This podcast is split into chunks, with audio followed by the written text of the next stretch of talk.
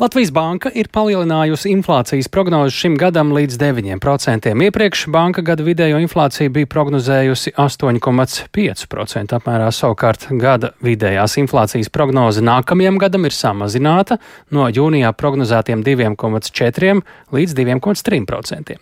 Samazināt inflācijas prognozi nākamajam un arī aiznākamajam gadam ļauj pieņēmumi par zemākām pārtiks un dabasgāzes cenām. Turpretī pārējai Eirozonai un nākamajam gadam gadam nedaudz šīs prognozes ir paaugstināts. Kopumā gan Latvijā inflācija turpina samazināties.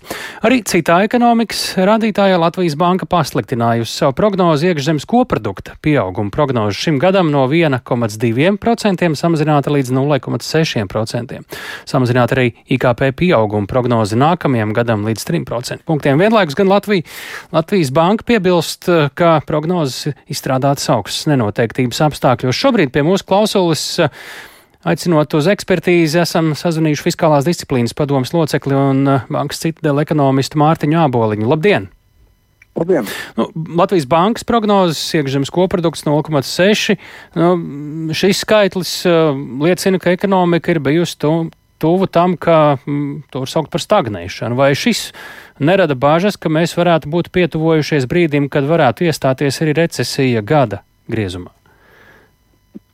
Nu, faktiski, jā, nu, mēs, šobrīd mēs redzam jau kādu zināmu laiku, kāda ekonomiska izaugsme apstāsies Latvijā. Mēs redzam, ka šī ir pirmā puse.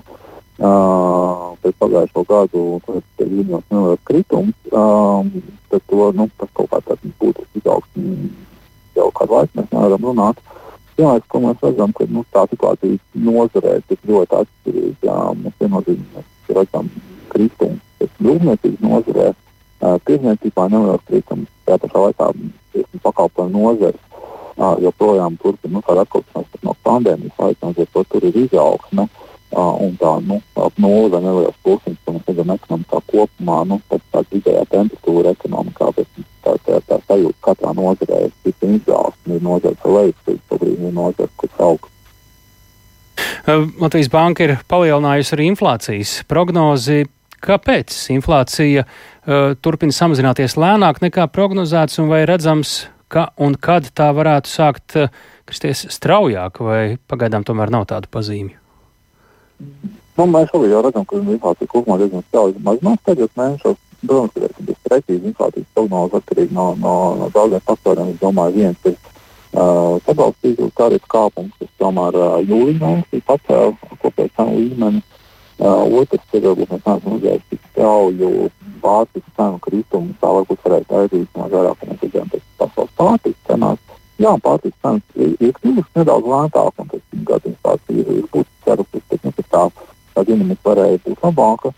O, un trešais, mēs uh, kopš vasaras sākuma redzam, tomēr pieaugumu naftas cenās, līdz ar to arī tagad vēl nedaudz dārgāk kļūst Latvijā.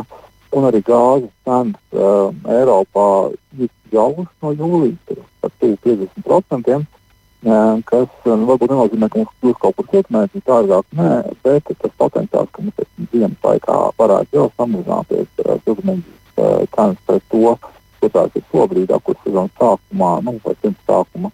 Nu, tās arī nevisticamāk ir tik noplatusi, ka to, tas, kur, kur ir, pie tā ir tur arī paliksies, bet tāda potenciāli vēl kristīs pagaidām nav.